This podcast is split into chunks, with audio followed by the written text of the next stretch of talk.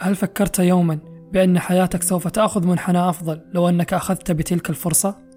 أو أنك لم تقم بتلك وأن حياتك سوف تكون مثالية على النحو الذي خططت له تطلق هذه الأسئلة ولا تجد إجابة لها إلا الصمت المطلق حولك ففي هذه اللحظات لا تجد إلا نفسك للومها على كل ذلك وما تصحو إلا وقد وجدت نفسك محاطا بنيران الندم التي تأكل شيئا فشيئا منك وقودها حبك وتقديرك لذاتك.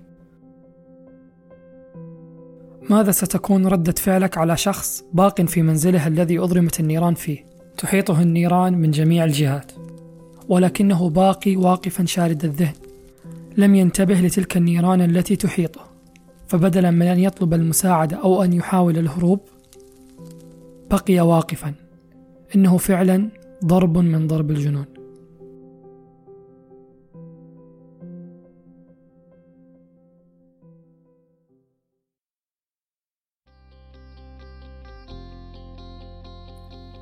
أهلا وسهلا فيكم في حلقة أخرى من بودكاست الجامعة. عنوان هذه الحلقة لا تحرق نفسك.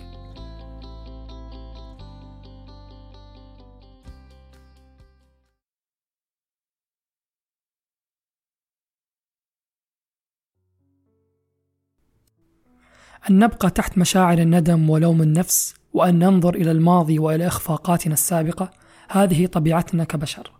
ولكن إهمال هذه المشاعر دون احتوائها والغوص فيها قد يكون مصدر كبير للقلق والتوتر لنا.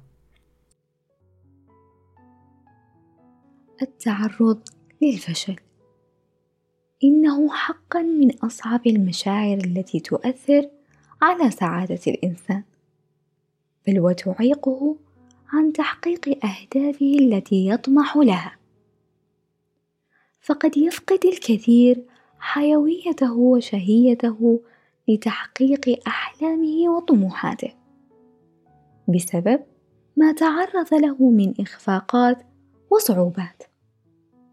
فخيبات الأمل المتكررة في الحياة بشكل عام قد ترسخ في ذهنه بأنه إذا فشل مرة فإنه سوف يفشل في كل مرة مهما حاول وقاوم وقد يبدو وكأنه أمر محتم في كل محاولة بأن الفشل هو مصيرها. وقد تصل بأن يقف الشخص على ناصية الحلم ويعلن أنا فاشل. مهما فعلنا فهو غير كافي وأنه يجب علينا أن نتوقف عن إضاعة الوقت في المحاولة. وأن ندع الكون يستمر في التقدم دون تدخل منا. فمهما فعلنا لن يحدث شيء. إنه حقا لشعور مؤلم ومحزن لأي شخص قد مر بهذه التجربة. الفشل سلاح ذو حدين. قد يدفعك للعمل لتخطي هذه الإخفاقات أو قد يكون سببا للاستسلام واليأس. لتخطي هذه المشاعر فالأمر لا يتطلب منك إلا تغيير زاوية نظرك. ولاحظ لم أقل تخطي الفشل نفسه لأن لا أحد محصن من الإخفاقات هي مجرد محطات في طريق النجاح. نتزود فيها بالقوة والعزيمة لنكمل طريقنا.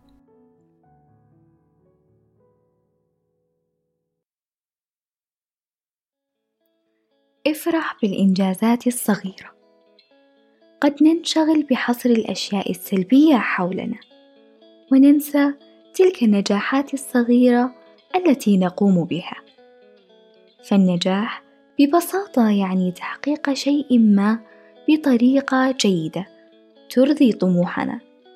كلمة النجاح الآن أصبحت مرتبطة بالإنجازات الكبيرة والأمور العظيمة والتغير الجذري في هذا الكوكب.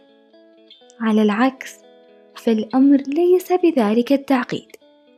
فأن تستيقظ مبكرا في الوقت الذي حددته؟ هذا نجاح. أن تقرأ كتابا كل يوم لعشرة دقائق. هذا نجاح. وذلك قد يساعدك على القيام بالمزيد من الإنجازات ويشعل الحماس فيك.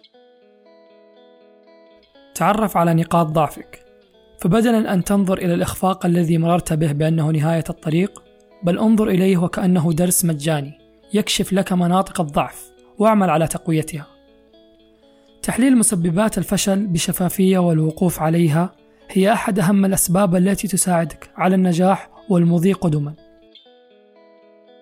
ذكر نفسك دائما بأنك إذا أردت القيام بأمور عظيمة عليك مواجهة الصعوبات العظيمة أيضا ولا تحاصر نفسك بالتفكير المفرط في الماضي. ولا تخف من تجربة شيء جديد. فالأشياء العظيمة تبدأ بخروجك من منطقة الراحة وتفهمك بأن الإخفاقات شيء طبيعي. لكل إنسان في هذه الحياة طموحات تختلف من شخص لآخر فكل منا يتطلع إلى تحسين حياته والتفوق في مختلف النواحي. قد نتعثر أحيانا في طريقنا نحو النجاح ولكن الطموحات والأحلام لا تتحقق بسهولة. ولكن عليك أن تنهض وتشق طريقك نحو النجاح وتبحر عبر أمواج الحياة العاتية دون يأس وخوف. أتمنى لك ولك حياة مليئة بالنجاحات والإنجازات. تم إنتاج هذه الحلقة بالتعاون مع بودكاست زوايا. فريق الإعداد عبد الرحمن الحربي تدقيق سارة القطان. تقديم بدر الطياري وريم القطان. تابعوا حساب بودكاست الجامعة على Apple Podcasts وال SoundCloud وتويتر. شاركونا اقتراحاتكم على إيميل البودكاست. شكرا لكم. ونلقاكم في الحلقة القادمة.